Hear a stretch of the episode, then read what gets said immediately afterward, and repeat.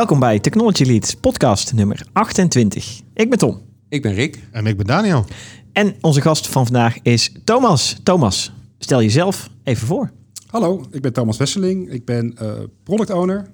Uh, al uh, lange tijd werkzaam binnen Society, vanaf 2002. Dus bijna 18 jaar. Dus, Mooi. Hoop gedaan binnen dit mooie bedrijf, maar nu product owner en daar gaan we het zo over hebben. Zeker, zeker, inderdaad. Leuk, leuk dat je erbij bent. we beginnen gelijk. we hebben leuk twee onderwerpen waar we het met je over gaan hebben.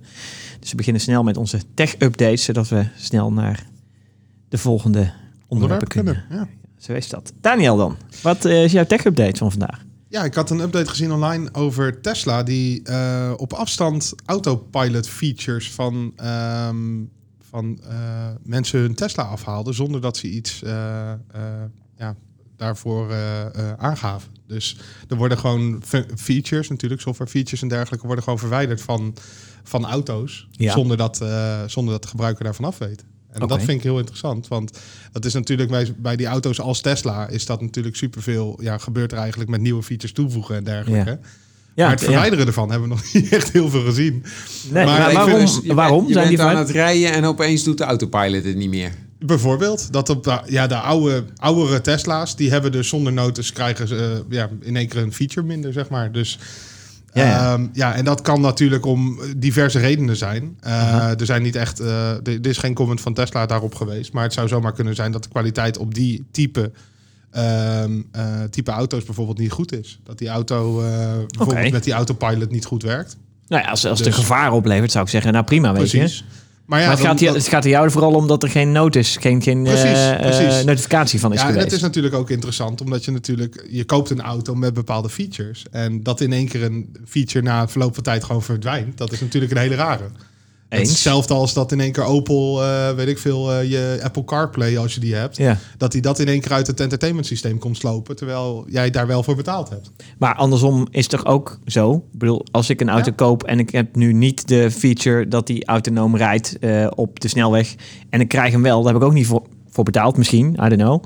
En dan krijg ik hem wel, maar dat vinden we niet erg. Nee. nee Meer is beter, alleen minder is minder beter. Ja, en ik vind, ik vind het wel heel interessant, want het lijkt een beetje op mobiele telefoons, denk ik ook. Want dat, die hebben ook natuurlijk updates door de jaren heen. Ja. Er komen ook nieuwe features op Android, op iOS en dat soort dingen. En Ja. misschien gaat het wel zijn dat je gewoon bij Tesla bijvoorbeeld na twee jaar dat je dan geen updates meer krijgt. Net Ja. zoals. Net zoals bij telefoons. Ja, en dat, dat is natuurlijk in de auto-industrie is dat helemaal niet Nee. gebruikelijk eigenlijk. Nee, omdat je normaal gesproken natuurlijk een, een hardwarematige feature, Ja. of althans een fysieke feature in je auto hebt zitten. En eh, nu eh, is het softwarematig en dus kun je hem plussen en minnen. Ja. Eh, Net als een telefoon overigens, want ik vind je telefoonvoorbeeld wel leuk. Want er zijn natuurlijk heel veel telefoons die maar max twee jaar support Ja. krijgen. En daarna eh, langzaam maar zeker eh, vallen alle features die erop had zitten weg. Eh, want ook apps worden Mhm. gewoon niet meer ondersteund op oudere versies van operating systems, Ja. et cetera, et Dat cetera. Dus dat is niet meer dan logisch Dat- eigenlijk. Dat, heb ik met mijn televisie ook. Eh, Mijn Ja. televisie die Ja. was hypermodern toen ik hem kocht. En dan kon je allerlei dingen via internet zien. Ja. En inmiddels werkt dat allemaal niet meer. Want Ja. dat hebben ze allemaal niet meer geprolongeerd. Dus eigenlijk wordt een auto hetzelfde als een telefoon, een tv en et cetera. Het is niet heel is anders dus eigenlijk. Alleen we, verwachten het minder. eh, geldt het, eh, ja, het is per fabrikant best wel verschillend. Hè? Apple Mhm. die, eh, True. die kan vrij lang nog ondersteuning bieden met Ja. apps.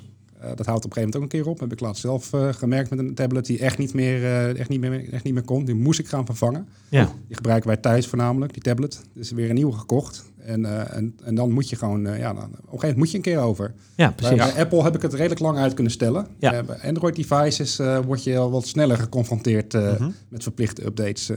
Ja, ja, Ik heb- eens. ik gebruik ze alle twee, dus eh, Android, zowel Android als iOS. eh. Oh, oké. Ja. Ja. Maar ja, dus, dan dus eigenlijk, verschil. ja, maar, maar dan vind ik het met een auto dus eigenlijk, ik bedoel, ook een oude Tesla. Wat, wat is een oude Tesla? We hebben het dan over? Vijf jaar oud? Ja, twee, ja dit, dit voorbeeld was 2017. Ve- Een auto uit Want 2017. Ja. Hoe, hoe, wanneer was de eerste Tesla? Dat is dan niet zo heel gek lang geleden. Nou, dat is stiekem Ja, dat al wel wel een eventjes, eh, rijden er al even wat rond hoor. Maar dat, dat is natuurlijk, je, je had die eerste Tesla, dat was volgens mij zo'n roadster-achtig iets. Ja, ja, er zijn niet Dat zoveel al van gemaakt. Maar ja, dat is echt al heel wat jaren geleden. Maar 2017 Tesla, daar krijg je dus nu Ja. min, of tenminste, daar worden features van afgehaald. En misschien Mhm. wel vanuit veiligheidsoverwegingen, who knows. Dat zou kunnen. Alleen, ja, je wil het wel weten. Ja, ik denk Ja. dat dat het vooral is. En ja, eh, ja, eindelijk wil je... Nou, sterk, ik zou dan willen weten, oké, is er van tevoren iets over gezegd? Want volgens mij zijn de telefoonvendors, waar Thomas het net ook Ja. over had, die zeggen gewoon, nou, we supporten twee jaar. Ja. Punt. Ja, en dat zou dus wat. een standaard moeten worden, denk ik, ook bij Tesla. Ja. Dat je gewoon weet dat als je een Tesla koopt, dat je gewoon twee jaar lang updates gaat krijgen. En dan niet meer. En dan niet meer. Maar ja, of dan- weer voor betaald. ja bijvoorbeeld. Extended support met Windows 7. Maar Ja, Nieuwe- nieuwe ja, firmware. ja, zoiets. Ja, ja, ja, ja. Ja. Nou ja, of een abonnementje, zeg maar, omdat Ja. het continu ontwikkeld moet worden. Dat is, dat is natuurlijk, ja, nee, ja goed, nu- dwalen we heel erg af. Maar eh, ik, ik zie het ook in, in, eh, game, in, in, de game-industrie. Mhm. Heb je natuurlijk ook heel erg dat je van origine komen van een situatie waarbij je zes tientjes betaalt voor een game. eh, en dan ga je lekker spelen. Mhm. Eh, nu zijn bijna alle games verwachten wel online support. Niet allemaal. Of kunnen in ieder geval standalone wel spelen. Maar veel hebben features die online eh, verbonden moeten zijn, zeg maar. Eh, waardoor je ook nieuwe features krijgt. Mhm. Maar die zes tientjes, eh, ook al je misschien wel wel vijf jaar of zes jaar met een game doen. Ja, op een gegeven moment dekt dat niet meer de nieuwe ontwikkeling van de nieuwe features. En toch verwachten we het, omdat ik zes tientjes heb betaald voor de game. Ja. En dan is een subscription model past daar beter bij, omdat dat bij de verwachting past van oké, ik krijg elk jaar wat nieuws. Dus dat zou voor een auto dan eigenlijk ook moeten gaan gelden. maar ik vond het wel interessant, want ik had er nog niet heel veel over gehoord. Nee, eens. Dus ja, Oké, goed. Rick, wat is jouw tech item van vandaag, voordat we hier eh, de halve aflevering mee vullen? Want dat- ik denk dat dat wel kan namelijk. ja, Dus, ja. ja. Rick. Nou, mijn, mijn update is eh, over Instagram. Oké. En niet dat ik nou zo'n eh, eh, grote Instagram-gebruiker ben. Maar het nieuws vond ik wel grappig dat je op Instagram je volgers kunt verwijderen. En eh, Ah. ik, ik hoorde daarover. En, en in eerste instantie dat ik te denken, nou wat leuk. Want als je een hekel hebt aan bepaalde volgers, kan je ze verwijderen. Maar dat was niet eh, de reden waarom ze dat gedaan hebben. Oké. Er was namelijk een commerciële reden om mensen in staat te stellen om volgers te verwijderen. Ehm, of nee, het is dus niet volgers, maar de mensen. eh, hoe om verwijder je eigenlijk? Wie verwijdert wie? Ja, ik, Oh, ik wou net zeggen, ik zit... zitten letten. Het, want het ging er uiteindelijk om dat je meer relevante berichten langs krijgt. Zodat je eh, langer blijft kijken, zodat je meer reclame langs ziet komen. Want dat was Ja. uiteindelijk het idee. Dat er, eh, mensen moesten meer reclame zien. En als je dus allerlei dingen ziet van mensen die je niet interessant vindt, dan haak je af. Dus je moet dingen, Ja, maar- alleen dingen zien van mensen die je wel interessant vindt. Maar dan Maar- Ja, je- ontvolg je ze. ja, Ja, dus het is, net het, zeggen, is het ja. ontvolgen. Dus het is maar dat meer bestaat dat toch je- in alle social media al honderd jaar? Ja, je kunt eh, op Facebook, Facebook, bepaalde ja. mensen... Ontvrienden, hè? Was er nou, destijds... vrienden is zeg maar de meest extreme stap. Denk Ja, ja. Je kan ook iemand eh, uitzetten, tussen aanhalingstekens. Dat, Notification je, uit. dat je de streams eh niet meer Ja, actief nou, ik krijg de indruk dat het zo'n soort functie is. Mhm. Dat je kan zeggen van, nou, deze wil ik niet meer zien. Maar dat is ook zo flauw als die andere dan ziet van, oh ja, al die mensen die haken af. Dus je krijgt geen bericht als iemand anders is afgehaakt. Nee, het gaat echt om de volgers, zie ik in het artikel. Dus het betekent dat... Ja, Jouw maar- volgers. Ja, maar dit is... Degene die jou volgen, Het- die ja, kun jij... jou volgen. De Ja, link precies. van het Dus het is- het is ik wel- heb gevonden ja. is mogelijk een ander artikel dan wat ik op de radio hoorde. Maar die op de radio kon ik niet vinden op internet. Nee, dit gaat dus over dat je een eh, Instagram-profiel op openbaar hebt staan. Dan kan Ja. je door iedereen gevolgd worden. En Ja. als je daar niet op zit te wachten, kan je dus eh, of je profiel op privé zetten... Ja? of ongewenste volgers blokkeren. Maar nu komt er ook een derde optie... en dat is dat je dus voortaan eh, volgers kan verwijderen. Dus dan blokkeer je ze niet direct. Maar ja, dan... eh, Je haalt jouw feed, haal je uit, hun, feed. Ja. Dus wat, wat nog Maar wel dat is, mogelijk... oh, ja, oh, ja oké. Dus je haalt jouw feed uit hun feed, maar dat ruimt niet met wat Rick net Nee, vertelde. dat. Nee. Dat jij- andersom. eh. Maar het is wel ja. zo dat jij dus iemand kan volgen. ja. En als je iemand blokkeert, dan, vol, dan, dan ben je waarschijnlijk ook die persoon kwijt ja. als je, eh, die jij dan volgt. Dus stel je voor, ik, ik volg jou. Mind is blown. Nee, ja. ik volg jou. Jij volgt mij. ja. Vervolgens wil ik niet meer dat jij mij volgt. Dan Ja. blokkeer ik jou. Ja. En dan krijg ik jou ook niet meer te zien in mijn feed. Nee. Maar het kan dus wel betekenen dat ik wil dat jij eh, dat ik jou kan volgen, maar jij mij niet. En dat is de feature die nu komt. Oké. Klinkt je spannend. nog? Ja, nee, maar ik zit vooral te is- denken, wat, wat heb ik eraan? Nou, Ja, het, inderdaad, bij dit soort dingen eh, vraag je inderdaad af... wordt het niet zo ingewikkeld dat de meeste mensen het überhaupt niet meer begrijpen? Ja. En Ja. Wat levert het op? nou ja, het, het nieuwsbericht wat ik op de radio hoorde... was uiteindelijk dat er meer eh Het reclame dat. gezien wordt. Ja. ja. En, en dat is natuurlijk het belangrijkste voor Instagram. Dat ze Ja. tegen hun adverteerders kunnen Precies. zeggen... zoveel mensen gaan daar naar kijken. Oké. Maar dat eh, zag ik van de week ook op eh, LinkedIn. Want ik had een LinkedIn-postje gedaan. En dan staat erbij dat eh, 2000 mensen dat gezien hebben. Mhm. Maar dan heb ik meer zoiets van... bij manier? 2000 mensen is dat op hun beeldscherm geweest. Maar of Ja, ze het ook ze gelezen hebben, ja. dat is maar de vraag. Dat is waar. View en een, echt ja, lezen is. Maar het is ja. altijd natuurlijk leuk om te denken dat ze het allemaal gelezen hebben. Twi- Twitter onderscheidt volgens mij ook nog eh, mensen die echt klikken, doorklikken. En mensen die alleen Ja. de, de, de tweet eh, openen. Dus die hebben verschillende niveaus. Ja. En, Ja, eh, ja. en daar zit dan natuurlijk een eh, verschil in. Dat is dan wel weer interessant om te zien. Eh, als, je, als je wil dat mensen erop klikken, dan kun je dat ook, ja, dat kun je ook achterhalen. Als je even doorklikt op de statistieken, dan zie je wie echt doorklikken. En engagement noemen ze dat geloof ik. Ja. Engaged zijn. Ze echt iets mee doen. Dus als Oh, ze ja. liken, dat ze, eh, dat ze erop reageren of Ja. iets anders doen. Ja. Oké, dus eh, je hebt op jouw Instagram-account heb je nu alles helemaal netjes ingericht zo hoe jij het wil nu? Of? Ik heb op mijn Instagram echt iedereen ontvolgd. ja. Eh, Ik dus die is geen met die eentje. Oh. je hebt helemaal geen Instagram. Nee, ik ben daar natuurlijk... eh, ik, ik ga niet mee met elke nieuwe trend. Nou, niet. Ik, ben, eh, ik vind Twitter al heel wat. Oké, oké, heel goed. Tom. Ja, eh, je wil weten hoe mijn, mijn Instagram is? Nee. Oh, ja, hoeveel sorry. volgers Nee, heb je? Nee, nee, nee. nee. Eh, Sterker nog, ik heb ook je- geen Instagram overigens. Maar Oh, kijk. Nou, wat is jouw nieuwsitem? Nieuw, nieuwsitem gaat over Boeing. Eh, Boeing? Ja, ze hebben, eh, komt al een paar keer terug. Zijn die Vliegtuigen wel eens is- in het nieuws dan? Ja, maar we hebben het er ook wel eens over. Is, is af het en toe. positief of niet? Voor Ja, dat Boeing. is- eh, ik, ja, ik, zou het Nou, positief vertel, uit kunnen Wat is het nieuws? Vertel. Het nieuws is dat Boeing nog een softwareprobleem heeft gevonden voor de Ja, 737 dat MAX. klinkt heel positief. Ja, nou ja, ze vliegen nu niet, dus dit is het moment om ze te vinden. Ja, nou, dat is waar. Dat vind ik er positief aan. Je kunt ze beter nu vinden dan dat er straks weer eentje neerstort of een Ja. nare, nare dingen gebeuren. Dus dat vind ik goed. Ging het specifiek om de 737 MAX in Ja. dit geval Ja, weer? ja, ja, ja, ja, ja, ja.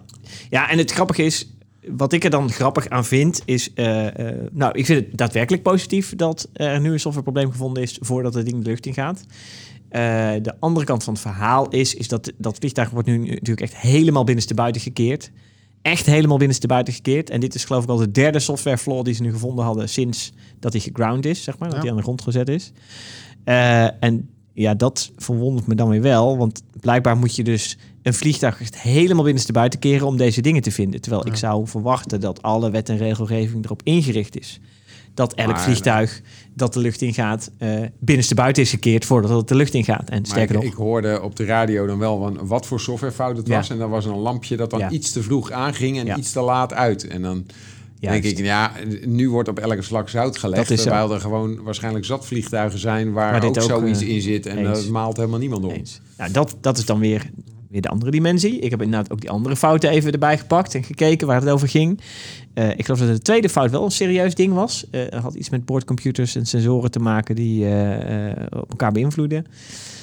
Maar deze inderdaad een lampje dat iets te vroeg aan zou gaan. Eh, ja. ja, je kunt dat natuurlijk doorredeneren dat dat tot gevaarlijke situaties kan leiden. En omdat dat vliegtuig onder een vergrootglas ligt, wordt dat aangemerkt als een softwarefout die eh, echt een probleem is. Want eh, de grap is ook nog, hè, als vanuit het testvakmanschap gaat nadenken. En elk project wat ik in mijn leven ondertussen mee heb gemaakt. Kijk, het is een illusie om te denken dat je door testen alle softwarefouten, of alle fouten, niet eens softwarefouten, alle fouten uit een product haalt. Precies. Elk product wat daar wat out there is, heeft nog fouten. Nee, Alleen, daarom, het, het gaat om zoveel Ja. vertrouwen hebben dat je Juist. het aandurft. En dat is met dit vliegtuig. Het vertrouwen Juist. is zo ver geschaad exact, dat niemand durft het meer aan. Want exact. Ja. Ik, ik hoorde ook zo'n verhaal dat binnenkort, als die Max weer de lucht in mag. Ja. Ten eerste is de vraag hoe straks die vliegtuigen heten. Waarschijnlijk is de marketingafdeling nu heel druk bezig om een hele fancy, hele andere naam te verzinnen. Juist, ja. Zodat jij niet meer door hebt dat je in een, In een- 737 Max aan het vliegen Ja. bent. Ja. En waarschijnlijk Eh. moeten ze daar nog een klein updateje eh, of een, eh, een aanpassing doen aan het vliegtuig. Dus er moet iets opgeschroefd of iets gedaan worden. Dat en dan is het ineens een andere uitziet. versie. Precies, ja. En dan heet Ja. het even de 738 eh, Max. Zoiets. nou, Max zal... Max ik denk dat zal de er Max... denk ik weggaan. Nee, 737 dat wordt Max. De 738 Mega. Ja, de enige Max die overblijft is dan Max Verstappen. Shark. De Mega Shark. Ja. dan zo'n haai erop schilderen Maar het ja. idee is dan dat dus eerst een of andere low-budget maatschappij in Amerika daar weer mee gaat vliegen. Ja. Oh, Eh, van, eh, waar mensen ingaan eh, die nou eenmaal er niet om malen waar ze in zitten als ze er maar ergens komen. En dan als dat een tijdje goed gaat, dan gaan de, de gerenommeerde Ja. maatschappijen er ook weer mee vliegen. Maar het is dus allemaal vertrouwen. Hè? Dat, dat is inderdaad de grootste boodschap die hierachter zit. Het is, Nou ja, en, maar dat is natuurlijk ook het grootste probleem wat er geweest is. Dat er Ja. te weinig aandacht voor de, eh, eigenlijk voor de eh, certificatie en zo geweest is. Ja. Dat, ze dat, eh, te licht over Bo- gedacht. Ja. ja. en Boeing heeft op een gegeven moment eigenlijk, naar mijn bescheiden mening, wat misbruik gemaakt van hun positie. Mhm. En gewoon dingen de lucht ingeslingerd eh, die misschien eigenlijk niet zo verantwoord waren. Nou, met- ja, ik weet niet of het... niet, niet lang eh, genoeg doorgedacht. Nou, het Ja, feit ik, dat ik, je ik denk dat ik ook, omdat zij, zij zijn natuurlijk al van oudsher een, een organisatie die al heel lang vliegtuigen uitbrengt en succesvol en met betrouwbare vliegtuigen, et cetera. Dat je op een gegeven moment misschien ook niet meer zo scherp bent als organisatie zijn. Misschien is dat het ook wel, dat er zoiets, een soort, soort Dat zou kunnen. eh, ja, hoe noem je Ja, dat? en- Een, een aandachtsverslapping Ja. insluipt. Die uiteindelijk ja, een, een, eh, helaas tot verstrekkende gevolgen heeft Ja. geleid. Eh, waardoor het vertrouwen is gedaald. Nou ja, het, is een, het is een kettingreactie van dingen. En, en nou, misschien is dat het wel voor, voor elke organisatie wel iets van ja, Ja. hoe zorg je er nou voor dat je altijd scherp blijft? Ja, op ik weet dit niet precies wat, eh, wat de oorzaak is van al die problemen bij Boeing. Maar wat ik hoor is dat ook de, de engineering culture eh, wat minder belangrijk werd. En dat het management, eh, de, man- de managementcultuur eh, op een gegeven moment de boventoon ging voeren. Ja, ja. Waardoor de engineers niet meer serieus genomen werden. Mhm. Ja. Ja, ik kan ja. het niet hard Het maken. is- ik nee, ja, het is speculatie, hè, dus verwijzen. ja, dus ja. het is, maar ik kan me daar wel iets bij voorstellen. Dat je, Ja. engineers weten, eh, die hebben voldoende ervaring om, Mhm. om die software te testen, zou je zeggen. En hoeveel tijd Eens? krijgen Ja. zij om, eh, om hun producten naar de markt te brengen? Eh, dat Ja, maar ja, goed, dan zou wet precies. en regelgeving er ervoor moeten zorgen, ongeacht tijd, eh, dat dat altijd goed gaat. Hè? En dat je eigen, ze hebben ook eigen kwaliteitsprocessen die hartstikke goed zijn. Hè, daarvoor zijn ze zo'n grote vliegtuigbouwer. Genoeg updates, zou ik zeggen. Thomas, jij zegt Ja. dat je product owner bent. Wat doe jij als product owner? Product owner is een uh, vertegenwoordigt de klant en de stakeholders richting het uh, ontwikkelteam die iets uh, bouwt. In dit geval, in mijn geval is dat software. Nou, op dit moment voor de Rabobank. Mhm. Maar hiervoor ook projecten intern gedaan bij Society. Mhm. bij andere klanten. Dus ja, je, bent, je maakt de keuzes uh, om zeg maar de richting die opgaat met je product. Hè. De naam zegt het al, je bent eigenaar van een product of een dienst. Uh, dus jij bepaalt de roadmap, je bepaalt de prioriteiten, waar, waar, ontwikkelt, waar ontwikkelt je team aan.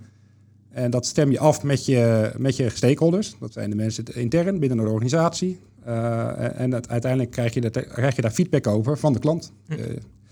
Dus je brengt het live en, daar, uh, en, en, daarmee ga je, zo ontwikkel je je product iteratief door. Oké. Okay. Dus, dus kun je ook zeggen dat je zeker in het begin product owner bent van een product wat er nog niet is?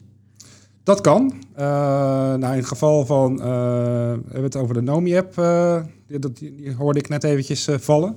Ik heb, voordat ik bij Rabobank zat, dat was vorig jaar, begin vorig jaar, heb ik een intern project heb ik, getrokken.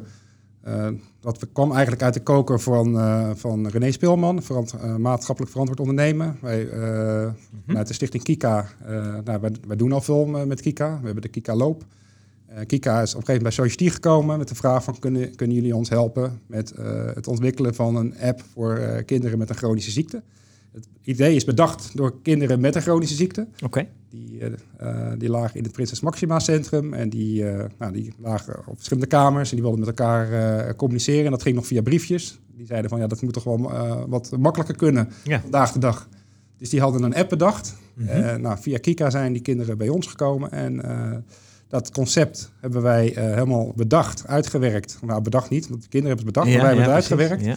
En we zijn dat gaan ontwikkelen uh, met een interne pool aan medewerkers. Uh, nou, op een gegeven moment liep het een beetje uit de, uit de hand, het project, in, in, in positieve zin. Oké, okay, ja. Ik, ik, ik, ging me als product owner er tegenaan bemoeien. En dan krijg je natuurlijk iemand die echt eigenaarschap gaat voelen van zo'n product. Juist. En dan ga je met een team ook echt enthousiast werken aan zo'n aan zo'n product. En dat, Ja. is, dat geeft heel veel voldoening. Ja. Dus, uh, en uh, nou ja, goed, dat hebben we vorig jaar hebben we dat in een, uh, een soort minimal viable of lovable product, zoals wij ook vaak zeggen. Ja, hebben we dat klaargemaakt voor, voor, voor, de, voor de stichting en Prinses Maxima Centrum. Hebben we gedemoed en hebben we ook aangetoond van, nou oké, okay, Society, we hebben de eerste stap gezet om met deze, met deze app eh, te gaan testen. Mhm. En eh, nou ja, dat is natuurlijk leuk eh, om te zien dat je als bedrijf ehm, even een keer iets anders doet dan eh, ja, werken voor een ABN AMRO of een Rabobank, wat ook super gaaf is. Maar Zeker. het is, was een hele verfrissende ervaring voor mij. Oké. Met zoiets, De, de, de app die die draait nu gewoon. Hij wordt nu gebruikt ook, of niet? Of wat, zit- wat is de status nu? Eh, nou, ik ben dus nu al eh, een tijdje van het project af. Ja. Eh, maar op het moment dat ik het eh, overdroeg, toen waren we zover dat we de, de, de minimal, het minimal lovable product wat we gedefinieerd hadden, wat moest er minimaal in zitten, dat we dat klaar hadden om eh, een, een, een pilot te gaan doen. Oké, oké. En die pilot die, eh, ja, die, moet dan, eh, die moest dan in een ziekenhuis gaan plaatsvinden. Dus daar zijn gesprekken over geweest. Ik heb het overgedragen, het project. Maar het was, het was een functionele app.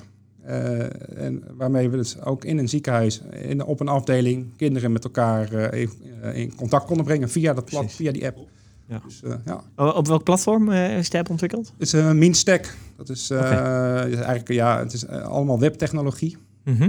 Eh, met als uh, ja, Mean staat voor Mongo, uh, uh, Angular, uh, Node. mis ik nog een letter volgens mij? Ja. Node.js, Mean, en, nou ja, goed.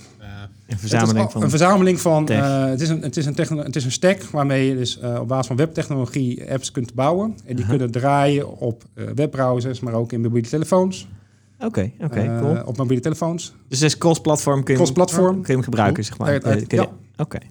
Dus, uh, en dat het voordeel daarvan is, is dat je uh, een vrij breed publiek kan bedienen. Dus uh, dan begin je eigenlijk laagdrempelig. Want je kan ook zeggen, ik ga een app maken op basis van native, een native app ga ik bouwen. en dan heb je bepaalde specialistische kennis nodig. zoals Swift of, of, of, of Java Android. Uh, het voordeel van, uh, van, van, van, van zo'n webtechnologie is dat je dus, uh, dus die app kan maken voor een brede publiek. het rijdt in een browser. Dus als, dat zou eigenlijk een, een oh, minimale okay. dus eerste het, versie. Dus het, het, was niet een echte app die je uit de App Store downloadt, maar het is gewoon een browser gebaseerd communicatieding. Ja. En, en, Hij zag er wel uit als een app overigens. Ja, oh, ja. dat is wel heel leuk. Ja. Maar maar er zal ook nog ja. een hoop uh, uh, authenticatie en, en uh, zo achter zitten. Want die kinderen moeten natuurlijk wel niet zomaar door de hele wereld belaagd worden. En ja, daar alleen is, met elkaar kunnen Daar is communiceren. heel goed over nagedacht. Dus er zat ook geen openbare registratie in. Die registratie, die, werd, die accounts werden aangemaakt door een beheerder. en die, ja, die beheerder kreeg eigenlijk echt op papier van ouders... Uh, uh, zeg maar het account en een handtekening van de ouder van uh, mijn kind mag op deze omgeving. Ah, ja. Dus we hebben daar een precies, flow voor ja. bedacht. Ja, oh, en je kan die flow nog verder trekken als je, als je bij spreken in een, vlieg, in een ziekenhuis gaat uitrollen, die app. Dan zou je, zou je ook nog een, een, een ziekenhuisafdeling daarbij kunnen betrekken. Van ligt het kind ook echt wel op deze afdeling? dus je kan allerlei extra autorisatieslagen nog eraan toevoegen. Dus daar hadden we wel over nagedacht, ja. Maar voor de pilot hebben we het vrij simpel gehouden, want we wilden voornamelijk de functionaliteit toetsen en testen. Ja. Dus, dus de eerste pilotversie die, uh, die was gewoon redelijk basic qua uh, zeg maar, uh, het, het, aanmaken van accounts. En, en jullie hebben dat ook met kinderen getest. En, en ja. wat vonden die? Ja, dan krijg je hele leuke feedback terug. kinderen zijn. je ben, ik ben gewend om apps te bouwen voor, nou, voor, voor grote klanten.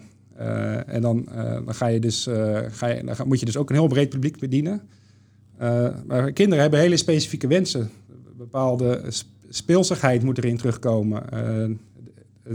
bepaalde, er zat bijvoorbeeld een chatcomponent in. Ja, die chatcomponent, die, die, die, daar verwachten ze bepaalde dingen van. Ze zijn WhatsApp gewend. Dus ja, ja, ja. Ik wou zeggen, het is... Er moet, er moet minimaal functionaliteit in zitten die ook in zo'n WhatsApp-applicatie zitten. Anders kun je net zo goed een WhatsApp app ja, gebruiken. En dat zat ik net aan te denken inderdaad. Ja, Kika heeft geen meerwaarde. Maar het leuke is van dat je, dat je vanuit zo'n chat kun je ook uh, uh, uh, naar een evenementenpagina.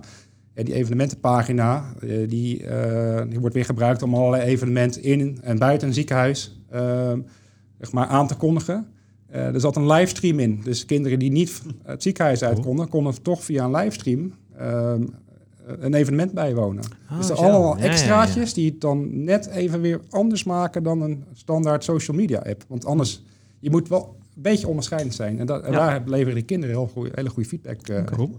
Vormgeving, hebben jullie ook nog dingen met vormgeving eh, gedaan? Eh, design, zeg maar? Ja, ja het is, we hebben daar eh, apart UX-design eh, voor eh, laten maken door een collega. Cool. Meerdere collega's. Mhm.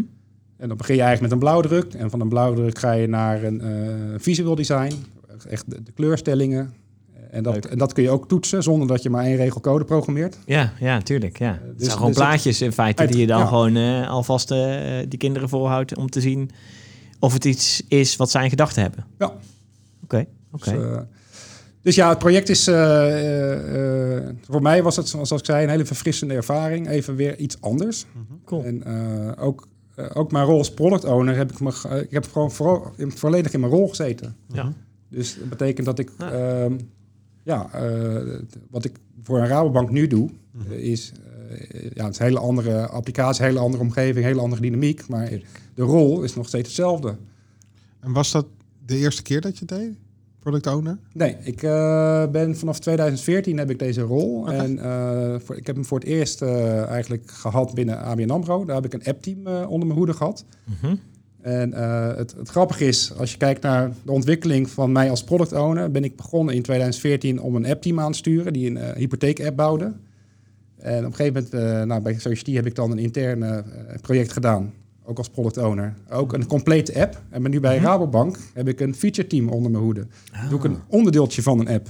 Ja, ja, ja. Oh ja. Eerst van complete app en nu naar een klein onderdeeltje van de app. Ja. Nog Alleen steeds- waarschijnlijk wel een app met veel meer functionaliteit. Ja, ja uiteraard. De, nou, de bankier-app, eh, ik weet niet of jullie Rabobank klant zijn. Ja, Ik ik zelf wel. Ja, ik ook. Dat is ook, ja. wel, ook wel leuk eh, dat je een Ik keer gebruik hem veel, de app, moet ik zeggen. als, ja, als verbruiker ook een keer eh, bij, bij de, eh, eraan mag bijdragen. Cool. Ehm, eh, maar ik maak een, een onderdeeltje van die app.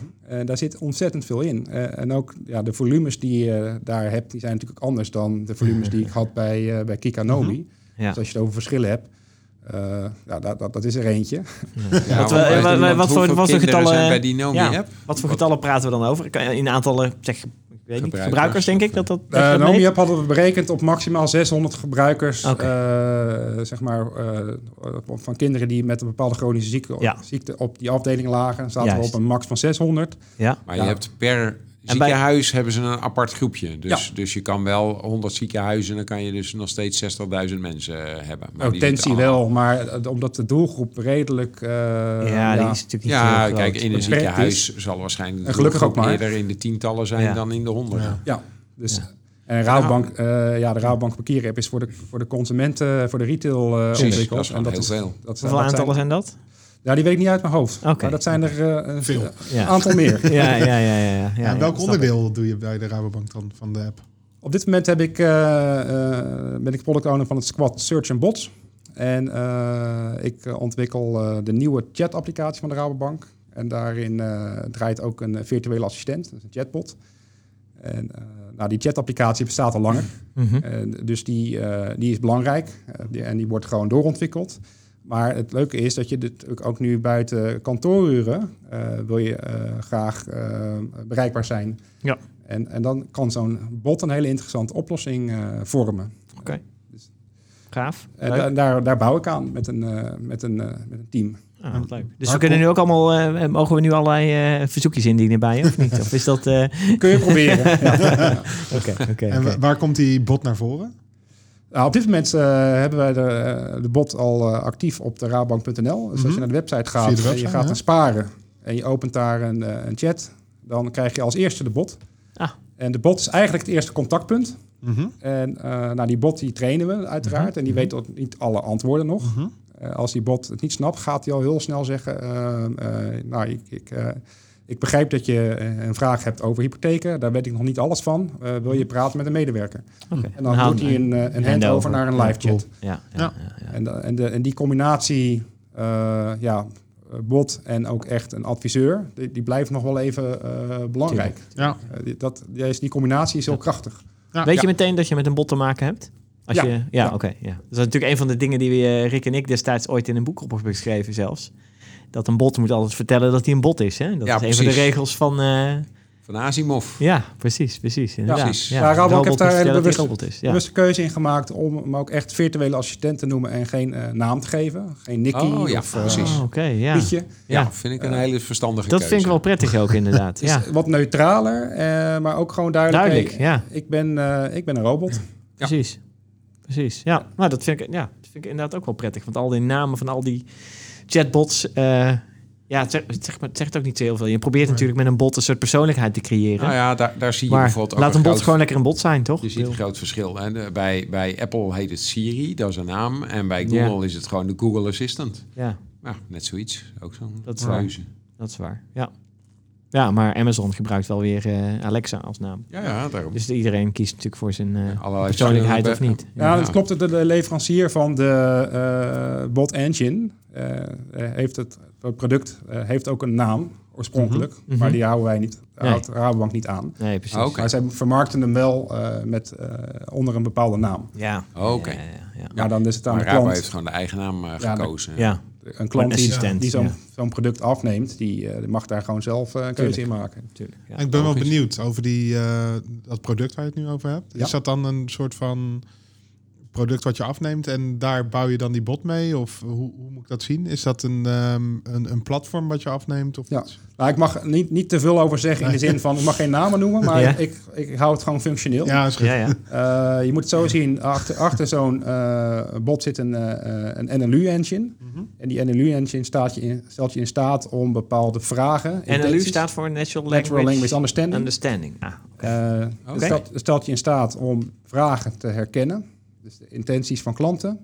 En op basis daarvan eh, antwoorden terug te serveren.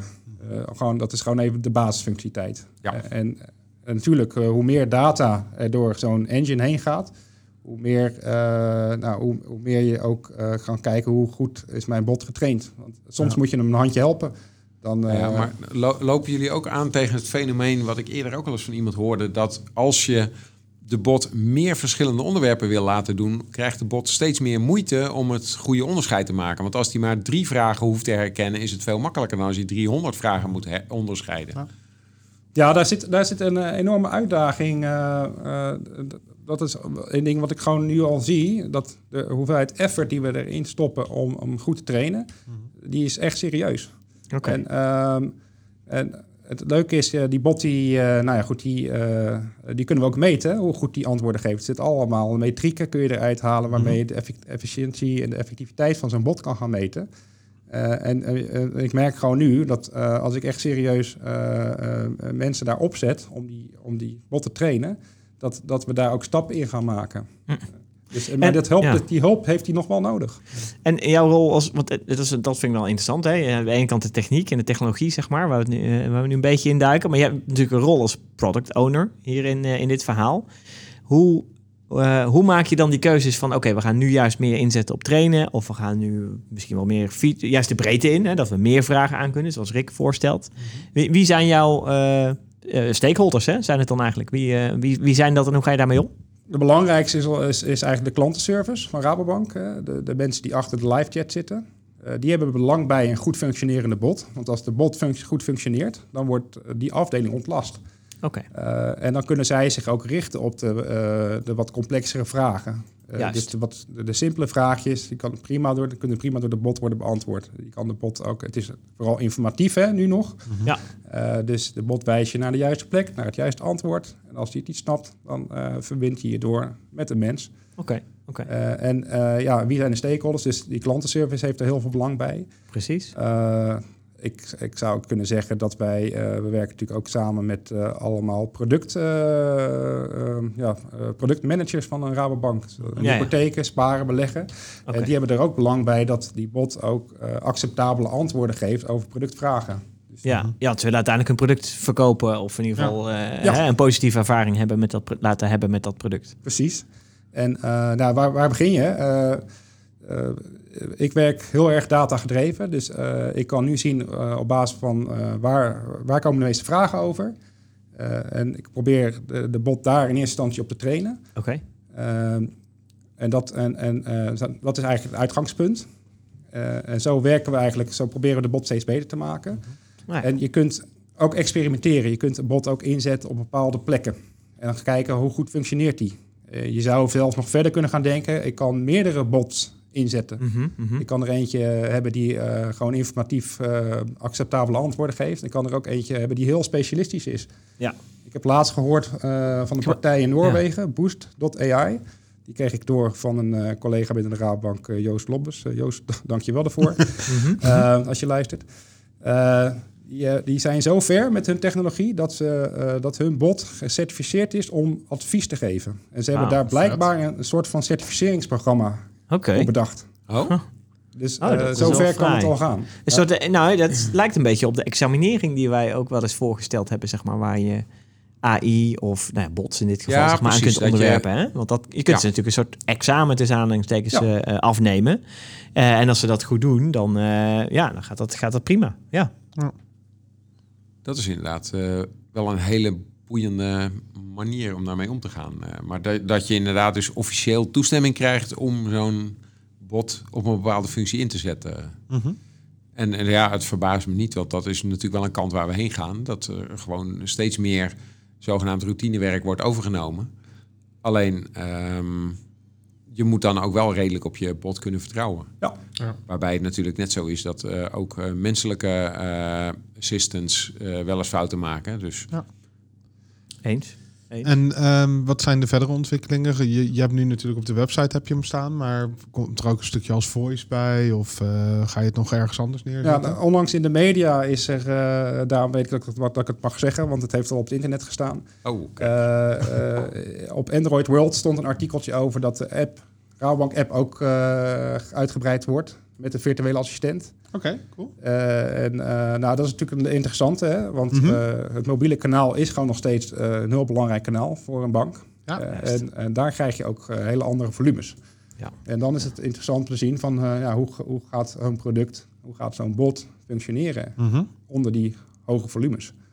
Cool. Dus, dat, zijn, dat, zijn de, dat zijn dingen waar, eh, waar ik dan nu mee bezig ben. Ah, Ja. ja, ja. En, en is het dan vooral de eh, zeg maar performance aspecten of ook van hoe kan hij functioneel nog functioneren? Vooral, ja, vooral functioneel.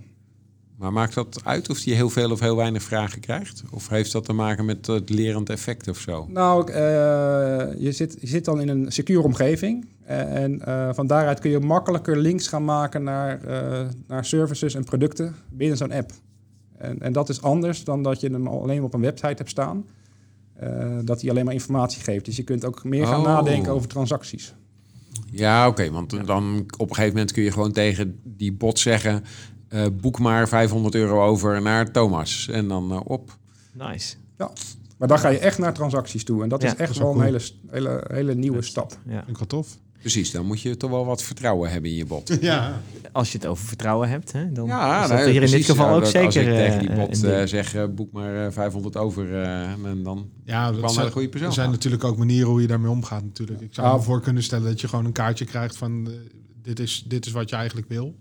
Ja, Is dat ook echt wat je wil? dus dat klopt, soort... klopt het dat je deze ja, persoon bedoelt? Precies. Ja. Ja. precies. Dus dan waarschijnlijk krijg je gewoon een samenvatting voor dat je. Dat is hetzelfde nu in de app. Bijvoorbeeld als je nu een betaling overmaakt, moet je eerst dus een soort van ondertekenen met de mobiele code, zeg maar, die je dan hebt, die Ja. pincode. Ja, dat, dat soort dingen, dat is. eh, ehm, ja, dat vind ik ehm, prima om dat ook voor chatbots te doen. Gebruik je dat? Ik, ik hoorde je net inderdaad praten over die eh, eh, chatbots, zeg maar, met dat je meerdere bots in zou kunnen zetten. Mhm.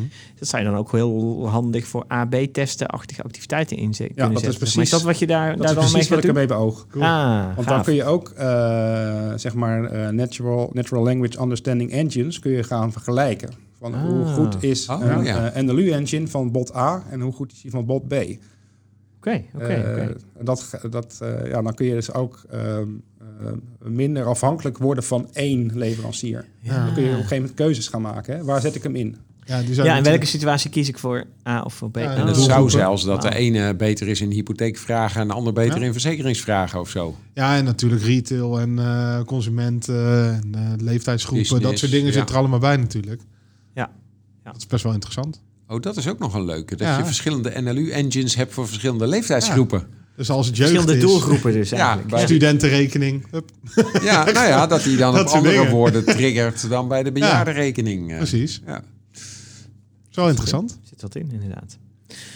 Mooi. Ehm, Ja, ik zit even te kijken naar de tijd. Ehm, ja, ik denk dat dit wel een mooi na- natuurlijk moment voelt Ja. om, om deze podcast eh, eh, mee af te sluiten. Ik vind dat we wel een leuk inkijkje hebben gekregen in jouw rol als product owner. En ook hoe dat bij de Rabobank vormgegeven wordt en, en hoe je dat zelfs bij de apps, bij de Rabobank app, ja, tot uiting laat komen. Zeg maar. En met name die- Nomi-app ook heel interessant. Ja, precies, ja. ja. De, de- de omgaan Leuk. Mhm. met kinderen en zo. Wat ik me nog afvroeg over die Nomi-app. Hadden jullie ook kinderen in het ontwikkelteam? Eh, niet in het ontwikkelteam, maar wel regelmatig aanwezig bij de sprintreviews. Oké, Oh, Als oké. we weer een stukje functionaliteit opleverden, dan kwamen ze vaak eh, kwamen ze langs om te kijken eh, hoe het eruit zag. En dan kregen we feedback. Ja, ja. En dan konden we daarmee eh, dan konden we weer eh, doorontwikkelen. En kwamen er dan kinderen uit die ziekenhuizen langs? Of eh, waren dat andere kinderen? Nee, dat waren de, de meisjes die het idee bedacht hadden. Ah, ja. Eh, en eh, de rij is ook getest eh, door kinderen op basisscholen. Ah, ja. Er zijn twee Oh, tests geweest. Ja, ja. precies. precies. Dus, eh, dus die, die, ja, die kinderen zijn echt wel betrokken. Lachen. Wat leuk. En wat is, wat is, wat is makkelijker eh, als eh, product owner? Eh, kinderen als stakeholders of eh, bij de Rabobank je stakeholders? Eh, ik zou zeggen, Rabobank heeft, is uitdagender. Oké, Eh, kinderen zijn, eh, eh, zijn, eh, zijn heel speels. ja. En, eh, ja, en, eh, stakeholders met de Rabobank kunnen soms hele, hele ja, belangrijke wensen en, en eisen hebben. Ja, oké. Dus, ja. dus, dus een ander soort dynamiek waar je in zit. ja. Maar ja, het, is, ja, het is niet te vergelijken eigenlijk. Ik dat iets maak, ik iets voor, eh, voor, voor specifiek voor kinderen, voor de doelgroep. Ja, ja, ja, ja. Ja. Oké, Cool. Wat leuk. Goed. Nou, Nou, het wel inkijkje. interessant, ja, eh, zeker, ja. zeker. Dankjewel. Nou, eh, ik zou zeggen, luisteraars, bedankt voor het luisteren en tot de volgende podcast. Tot de Ja. volgende keer. Tot ziens.